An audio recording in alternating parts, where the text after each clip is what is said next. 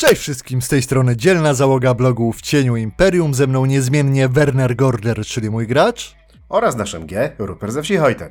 Tak, a dzisiaj jesteśmy z takim tematem dość interesującym naszym zdaniem, czyli Polska w cyberpunku. I mówiąc Polska, mamy na myśli rzeczywiście ten piękny nadwiślański kraj.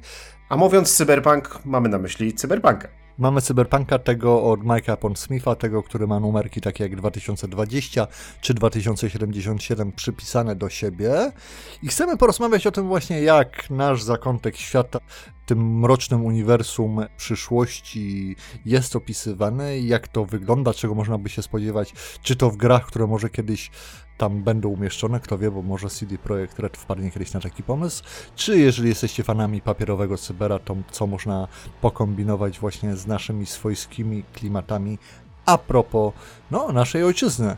I tutaj wydaje mi się, że tak z góry też zrobimy takie małe zastrzeżenie, bo no, z racji, że będziemy się odnosić do najnowszej historii Polski w tej alternatywnej rzeczywistości i troszeczkę będziemy nawiązywać do prawdziwej rzeczywistości i do ludzi, którzy byli sławni i rzeczy społecznych i kulturalnych, to z góry zastrzegamy, weźcie sobie troszeczkę na luz, rozmawiamy jednak wymyślonej wersji rzeczywistości przeznaczonej do gier RPG, a nie chcemy tutaj rozkminiać tego, jak jest naprawdę, bo po to uciekamy w te RPG, żeby nie rozkminiać o tym, jak jest naprawdę, tak? Przynajmniej na łamach naszego podcastu, jak i na sesjach. Dokładnie. W cieniu Imperium. Jeżeli chcemy porozmawiać o Polsce w cyberpunku, no to tutaj pojawiają się trzy nazwiska najważniejszych osób, które w tej najnowszej futurystycznej przyszłości naszego kraju miały mieć wielki wpływ na jego rozwój. Pierwszym nazwiskiem był Lech Wałęsa, który tak, który w roku 1994 wprowadził w Polsce już nie komunistycznej, bo PRL w świecie cyberpunka jak najbardziej istniał, tylko w tej już nowej III Rzeczpospolitej wprowadził stan wojenny w tym 1994 roku. Jest to to wydarzenie, które sprawia, że właśnie w tym miejscu historia cyberpunkowej Polski rozchodzi się z tą historią naszą prawdziwą. Drugą osobą jest prezydent Piszą go Sulc, ale chyba chodziło o Schulza i przynajmniej tak będę o tym mówił podczas tego odcinka, bo wydaje mi się, że to chyba Amerykanie próbowali wpisać, a trzecią osobą jest bardzo ważna postać, czyli niejaki Lewandowski. Niejaki Lewandowski, tak, dokładnie. Zresztą kardynał Lewandowski i oczywiście pojawi się też znany slangu młodzieżowym JP2. Do samego Schulza, który właśnie napisany jest SCULC. Ja zakładam, że to jest, wiesz, amerykański pomysł na to, że po polsku tak. to dużo spółgłosek jest razem, więc oni strzelali w takie szy po czy i nie do końca im wyszło, bo pominęli Albo Z... pomylili nas z Węgrami. Tak, coś takiego. I rzeczywiście prezydentem Polski w przynajmniej latach 2020 e, jest właśnie nazywajmy go Schulz. I myślę, że to też jest ważna informacja, aby pamiętać o tym, jak będziemy tutaj mówić o tej wizji Polski, że podręcznik, w którym jest najwięcej jakby materiałów na ten temat, to jest Eurosource Plus z 95 roku. No więc to jest rzeczywiście wizja kogoś, kto tam wyobrażał sobie tą mroczną przyszłość w Stanach Zjednoczonych w tych latach 95, gdzie Polska no była jaka była w tych latach 90. i na podstawie historii naszej i tego, co się wtedy działo, jakoś tam starał się wyciągnąć coś dalej. No a też pamiętajmy, że w tym podręczniku o Polsce są tam ze trzy strony z ilustracjami, więc to też nie jest tak, że ktoś zrobił jakiś gruntowny research i się przygotowywał. Tak, natomiast no, sytuacja Polski cyberpunkowej jest dość specyficzna, to znaczy leży w tym miejscu, w którym leży naprawdę, czyli między Niemcami a Rosją, czyli w cyberpunku między Unią Europejską a Związkiem Sowieckich Rewolucyjnych Republik. I w przyszłości cyberpunka również te dwa bloki zaczynają ze sobą współpracować trochę ponad naszymi głowami. Tak, podczas gdy Polska wpada w coś, co jest nazywane nową Europą Wschodnią, bądź nową Europą Centralno-Wschodnią, wraz z Czechami, Słowacją. W zasadzie sporo znajomych klimatów, to jest w ogóle piękne, jak się czyta o tej wizji Europy i o tym naszym zakątku, jak pewne rzeczy się przenikają i wiesz, pewne Opinie okej, okay, może na wyrost, bo wiadomo, że ta wersja cyberpunkowa musi być przekoloryzowana chociaż głównie czernią i szarością. Purpurą, w tym wypadku tak. purpurą. e, podobają mi się różne odniesienia, no ale rzeczywiście tak, wracając rzeczywiście, 94 rok, Lech Wałęsa wprowadza stan wojenny, potem mamy rok 99, bo pamiętajmy, 94 rok to jest e, rok tego wielkiego krachu na giełdach światowych, które posyłają Stany Zjednoczone na kolana w tej cyberbankowej historii. Natomiast Polaków na pola uprawne. Natomiast Polaków na pola uprawne, jako tako Europa w cyberpunku znosi to relatywnie dobrze. Tylko mówiąc Europa w cyberpunku mamy na myśli to, co zwykle określaliśmy mianem zachodniej Europy, prawda? Czyli właśnie Niemcy na zachód, tam Francja, e, kraje Beneluxu wtedy również bardzo wielką władzę i pieniądze dzierżą. Tak zwane European Community, tam cyberpunkowe, którego częścią o dziwo jest też Japonia przez pewien czas, ale to no cyberpunk. Nie? Tak, e, co zresztą tak a propos przewidywania pewnych rzeczy, e, kraje południowe, takie jak Hiszpania, Włochy czy Grecja są uważane za te, wiesz, którym gorzej idzie i też są traktowane trochę z góry. Ciekawa jest sytuacja Wielkiej Brytanii, w której jak najbardziej panuje pełny stan, Stan wojenny. wojenny, tak. Jest całkowicie jakby wojskową dyktaturą i tam są zupełnie inne klimaty, więc no, taki Brexit jeszcze bardziej na swój sposób. A właśnie my, Polacy, jesteśmy w tej naszej jakby znanej z historii sytuacji właśnie między jednym a drugim blokiem, gdzie u nas niby nie jest tak bardzo źle jak bardziej na wschód, z drugiej strony nie jest tak bardzo dobrze jak bardziej na zachód, z trzeciej strony ludzie jakoś żyją i jakoś sobie z tym radzą. To też są takie ładne odniesienia, że cyberpunki Europy lubią wizytować Polskę i doceniana jest ta polska pomysłowość właśnie umiejętność radzenia sobie w różnych sytuacjach, bo też jesteśmy, te nasze lata 90. są mocno jakby przeniesione dalej w tą przyszłość cyberpunkową. Jest dużo szarej strefy. Są różne zasady, ale wiele osób też nie do końca się do nich stosuje. Jest taka oswojona też szara strefa. To nie o to chodzi, że po prostu działa bezprawie jak kto chce, bo o tym dalej ale właśnie mam taką szarą strefę, z którą ludzie nauczyli się egzystować którą niejako władze, które są, w jakiś sposób też powiedzmy akceptują, nie pozwalają jej za bardzo szaleć i za bardzo rozwijać się tam nowym ośrodkom władzy, ale w jakiś sposób każdy rozumie, no, że żeby to państwo działało, to na pewne rzeczy trzeba przymknąć oko, nawet jak jest ich całkiem sporo. No, Polska, prawda?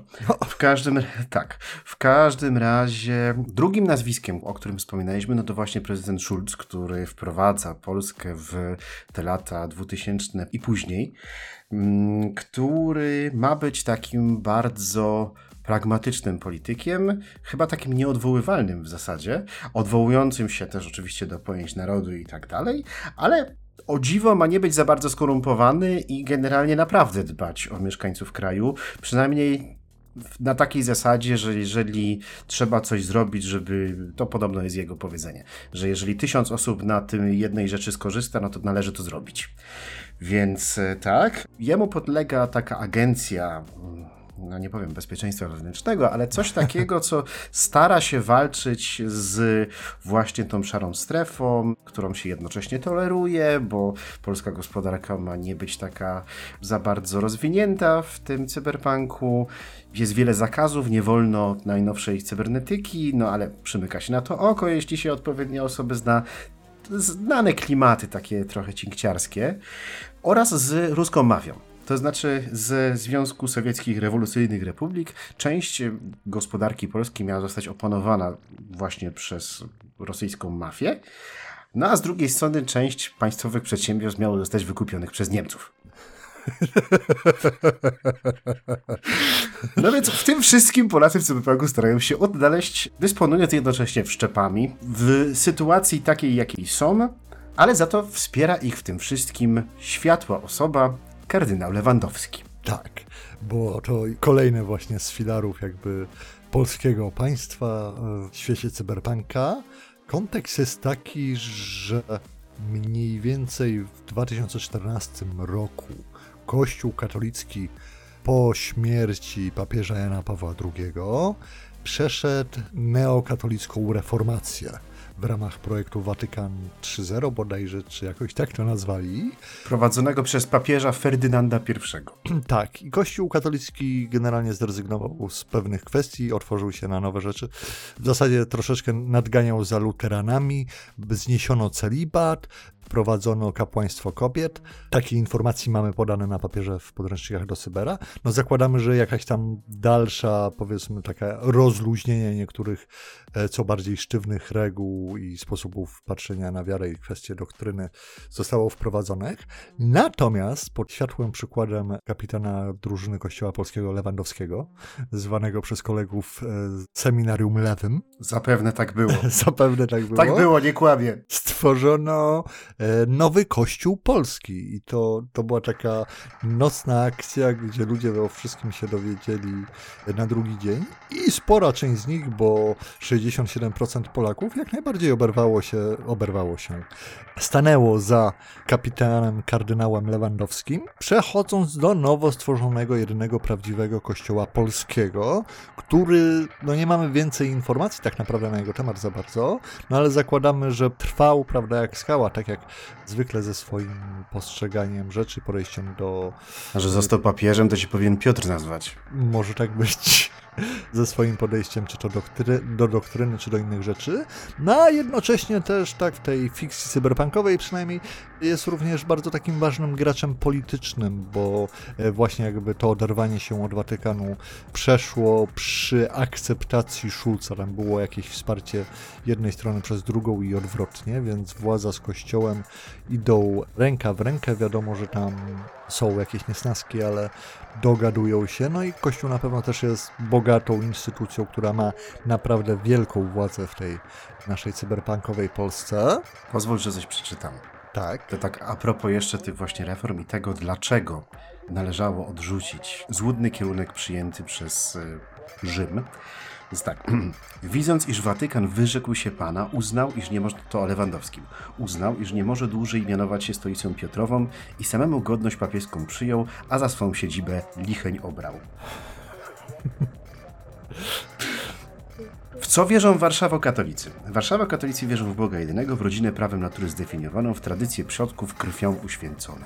No, więc... Generalnie Polska jest w tym wyznaniu ziemią obiecaną, a Polacy są narodem wybranym, żeby nie było tutaj wątpliwości. Przynajmniej takie rzeczy wymyślali sobie Amerykanie, prawda, w latach 90. No, a komu... to akurat nie, to już sobie wymyślali. Nie, nie, to, bo ja to wiem. jest z, z Cyberpunka 2077, z jednego z shardów, które tam można było znaleźć, więc koncept wymyślony przez Amerykanów w latach 90., twórczo rozwinięty przez Polaków w latach 2020. No, i tak właśnie maluje się tam ta nasza piękna kraina gdzie właśnie między państwem, które jest skorumpowane, chociaż ma też właśnie silne prawda, jednostki, bo tutaj wspominaliśmy o tej agencji, ona się nazywa The Harbingers po angielsku. Nie wiem, jak to zostało przetłumaczone, czy kiedykolwiek zostało oficjalnie tłumaczone. No nie wiem, zwiastuny, czy coś takiego i to jest właśnie jakaś taka... Oficjalnie nie, ale widziałem tłumaczenie na Heroldowie. Dość głupia nazwa jak na polskę, no, no ale to w Amerykanie wymyślali. Dokładnie. Która w jakiś sposób tam e, walczy z tymi rosyjskimi maf mafiami, czy zbyt wielkimi wpływami przestępczymi i innego typu rzeczami. Władzę, która no rzeczywiście stara się tym krajem rządzić i coś robić, ale z drugiej strony wie jak jest, więc nie panuje z całą pewnością taki pełny zamordyzm. No i do tego jeszcze oczywiście władza kościelna, no więc maluje się to troszeczkę tak, że wiadomo, na rynku wszystko jest ok, wszystko jest ładnie, prawda, czysto, ludzie tam stoją z tymi flagami, są te krzyże, ale poza tym, tam gdzie kończą się światła, nazwijmy to pierwszej strefy, no to rzeczywiście też mamy tam jakieś między wierszami informacje o tym, że działa prężnie kontrkultura cyberpunkowa, no bo pamiętajmy, że ten punk w cyberze też się z czegoś bierze. To rzeczywiście ta kwestia kontry przeciwko temu, co jest mainstreamowe, przeciwko władzy, prawda? ludzi, którzy są odrzuceni bądź uważają się za odrzuconych, w jakiś sposób tam funkcjonują i niejako ta scena cyberpunkowa ma być żywa. Ludzie, mamy napisane, że właśnie z zachodniej Europy cyberpunkowie chętnie odwiedzają czy to Warszawę, czy to Łódź, e, że coś się tam dzieje, coś tam się dzieje, no to zakładam, że to jest wiesz, bardzo takie szerokie pojęcie od kwestii kontrkultury, sztuki i po prostu zabawy po możliwość dostępu do wszczepów, broni, narkotyków, po akcje zbrojne i inne pomysły. Tym bardziej, że pamiętajmy, że Europa Zachodnia jest w tym ujęciu takim trochę państwem obiecanym, trochę jest oczywiście władana przez korporację i Komisję Europejską, która jest na swój sposób korporacją samą w sobie, ale o tym kiedy indziej. Znaczy, A... bardziej bank europejski, bo to. Tak. Tam... No, ale, nieważne. Ale jednak, będąc to też takim państwem, prawda, na którego granicach są zasieki, wieżyczki strażnicze z zautomatyzowaną bronią i tak dalej, tam w południowej Europie imigranci próbują się dostawać łódkami, więc to też jest troszeczkę taki klimat Europa jest bogata, ta zachodnia, żeby nie było wątpliwości, ale... W cyberpunku w ogóle Europa jest, e, ten blok europejski jest jedną z najsilniejszych w ogóle gospodarek. Tak, no, zwłaszcza w kontekście, prawda, rozpadku de facto Stanów Zjednoczonych, a przynajmniej takiego dużego upadku. Pamiętajmy, że ta historia Stanów Zjednoczonych, no, różowa nie była, zresztą co różowe jest w cyberpunku, pomijając pewne sklepy z różnymi... Pistolety. Tak, pistolety też, to prawda. No więc rzeczywiście ta Polska całkiem się ciekawie jawi i powiem szczerze, że tak z jednej strony się zastanawiałem, na ile gdyby coś takiego, wiesz, próbować wpleść w sesję, czy właśnie gdyby Redzi nas zaszczycili dodatkiem poświęcam takie klimaty, na ile my jako Polacy, bo to jak tam na zachodzie ludzie do tego podchodzą, jak ktoś ma, wiesz, możliwość powiedzmy poprowadzić cybera dla znajomych z zachodu, to super, ale wiesz, tak w czysto polskim kontekście, no z jednej strony dużo takiej śmiechówki, wiesz, takiego, takich klisze motywów, takich właśnie podkręcanych rzeczy z lat 90., z jakimiś tam wstawkami komunistycznymi ultrakatolicyzmem prawdopodobnie jakimś tam ujęciu. Ale myślę, że to może być naprawdę, wiesz, taki ciekawy setting, który wyrzuca te rzeczy, które z cyberpunka, które znamy klasycznego, przerzuca przez taki właśnie ten centralno-wschodnioeuropejski blender i daje nam, je nam w nowej, ciekawej formie. Z inspiracji rzecz, która mi się na pewno kojarzy, to jest kwestia Berlina i tego czasu, który prowadził do upadku muru berlińskiego, gdzie to, wiesz, mieliśmy takie podzielone miasto na skraju, była duża obecność oczywiście władzy takiej czy innej wokół tego rozumienia, a jednocześnie zapisało się jako ta idea właśnie kontrkultury, kwestii buntu, no i rzeczy, z których było nie było cyberpunk jak najbardziej ideologicznie też czerpał. Wiesz, to co powiedzieliśmy przed chwilą, to jest mniej więcej wszystko, co oficjalnie wiadomo o cyberpunku. Można jeszcze wnosić, że no, funkcjonuje jakaś diaspora polska, bo Misty w 2077 jest Polką tak naprawdę, jedzie w pewnym momencie do rodziny do Warszawy. Misty Więc... Pamiętajmy. Tak. no, natomiast, natomiast ja uważam, że tutaj jest trochę taka mm, jednak stracona szansa, ponieważ jeżeli mamy ten oficjalny opis, no to brakuje w nim jednej bardzo ważnej rzeczy, jeśli chodzi o cyberpunka. Mianowicie nie ma ani jednej polskiej korporacji. W związku z czym, no, jeżeli ja bym chciał jakoś zaadaptować ten setting do swojej gry, starałbym się dorzucić coś swojego, zwłaszcza, że rzeczywistość no, trochę podpowiada, jaka to korporacja mogłaby być. Właściwie jest globalnym graczem i jest istotna w prawdziwej rzeczywistości dla w ogóle całego światowego łańcuchu dostaw. Mianowicie jest to KGHM jeden z największych na świecie producentów miedzi. Dumny sponsor naszego dzisiejszego odcinka, któremu dziękujemy za całe wsparcie. No właśnie, niestety nie. Natomiast wiesz, jeżeli miałbym przerabiać Polskę na cyberpunka, to w jaki sposób starałbym się wykorzystać to, że te złoża miedzi w Polsce, tam pod Lubinem są ogromne, plus KGHM nazwałbym go jakoś inaczej, to nie tak. Wiesz, rozwinąć to jakoś twórczo i mamy tam przecież kosmos, mamy różnego rodzaju asteroidy, mamy metale ziem rzadkie w tym kosmosie i tak dalej. Ja bym cisnął w jakieś, wiesz, państwowe badania, które z polską flagą próbują naprawdę ściągnąć te metale z kosmosu na przykład. I wiesz, w związku z tym jakiś taki raczkujący przemysł kosmiczny wprowadzać do tego cyberpunka, jakieś takie nowości, nowinki, jakieś wszczepy, które pozwalają pracować w tym kosmosie albo lepiej wydobywać to mieć i wiesz, dookoła tego coś budować, bo tutaj wiesz, mamy ten niby ultrakatolicyzm w jakiejś takiej formie cyberpunkowej, mamy jakiś tam formę nacjonalizmu też, bo ten prezydent Schulz i w ogóle. Natomiast no tego elementu mi tutaj w tym opisie tej cyberpunkowej Polski brakuje. Jednak tego biznesu i tych pieniędzy, no bo no bo przecież, no nie oszukujmy się, pieniądze smarują. Otwierają różne drzwi, No i w cyberpunku jak najbardziej korporacje pasowałyby. Przydałby się taki, wiesz, pierwszy polski statek kosmiczny wydobywczy Twardowski w tym wszystkim. Do tego, jak weźmiemy pod uwagę, że Europejska Agencja Kosmiczna w cyberpunku jest e, wielkim, a swego czasu nawet największym graczem, jeżeli chodzi właśnie o rynek kosmiczny, no to rzeczywiście mogą się dziać z tym rzeczy. I tak jak mówisz o KGHM, myślę, że też ta Polska jest już taka bardzo.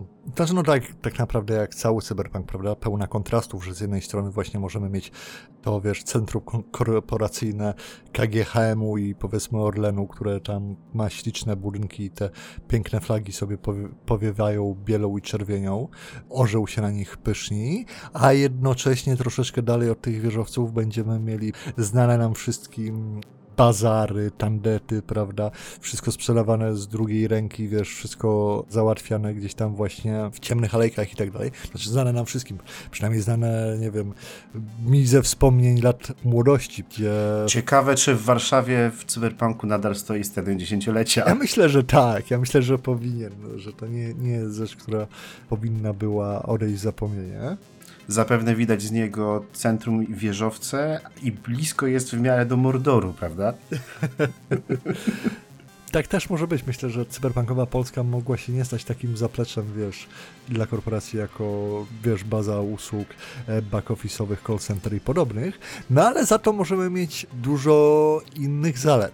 No zresztą, gdybyśmy, wiesz, chcieli to bardziej rozwijać, gdyby twórcy cyberpunka się kiedyś pokusili o szersze opisanie tak właśnie tej ich nowej Europy Środkowo-Wschodniej, no to pamiętajmy, że to też nam daje dużo możliwości na rozkminianie wszystkich rzeczy związanych właśnie z sąsiadami naszymi, z ideami Międzymorza i tak dalej, co w ogóle mogłoby być tak naprawdę fenomenalnym, wiesz, backdropem dla kampanii cyberpunka czy czegoś takiego, wiesz, gracze mają różne misje od dyplomatycznych po tajne akcje, które w jakiś sposób starają się łączyć to, żeby wiesz, tam na jakimś szczycie przeszło to, że powstaje nowy blok właśnie w Europie Centralno-Wschodniej i Nowa Rzeczypospolita i te sprawy, tak?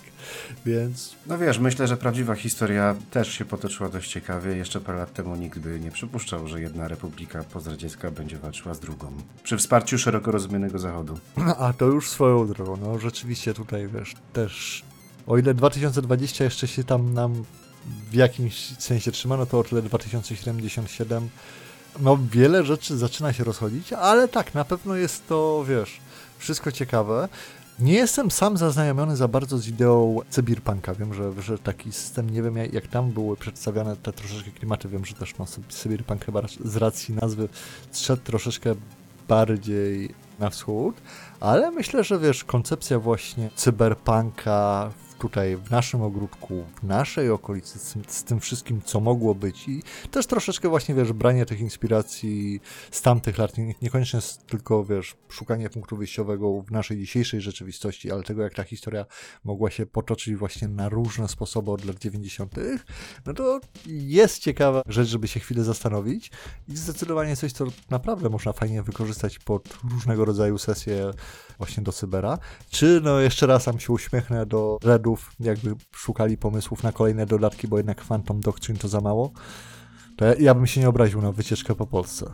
Chociaż to. Raczej się nie wydarzy w tej formie, no ale może kiedyś. To prawda. Może jakieś, wiesz, mała indie studio coś takiego zrobi. Mieliśmy przecież tego Shadowruna, który potem miał akcję w Berlinie. Więc kto wie, może jeszcze są szanse dla cyberpunkowej Polski. My tymczasem co? Dziękujemy Wam wszystkim za słuchanie. Dokładnie tak. Zapraszamy Was na naszego Discorda. Tam częściej mówimy o Rohamerze, natomiast o Cyberpunku też możemy porozmawiać. Dokładnie. Pozdrawiamy wszystkich naszych patronów z Rady Nadzorczej KGHM. I cóż, słyszymy się już w przyszłym tygodniu. Tak, w przyszłym tygodniu będziemy rozmawiać dla odmiany znowu o Warhammerze, a póki co Idziemy oglądać Lewandowskiego. Idziemy oglądać Lewandowskiego wystąpienie. Myślałem o meczu, ale... A, dobrze.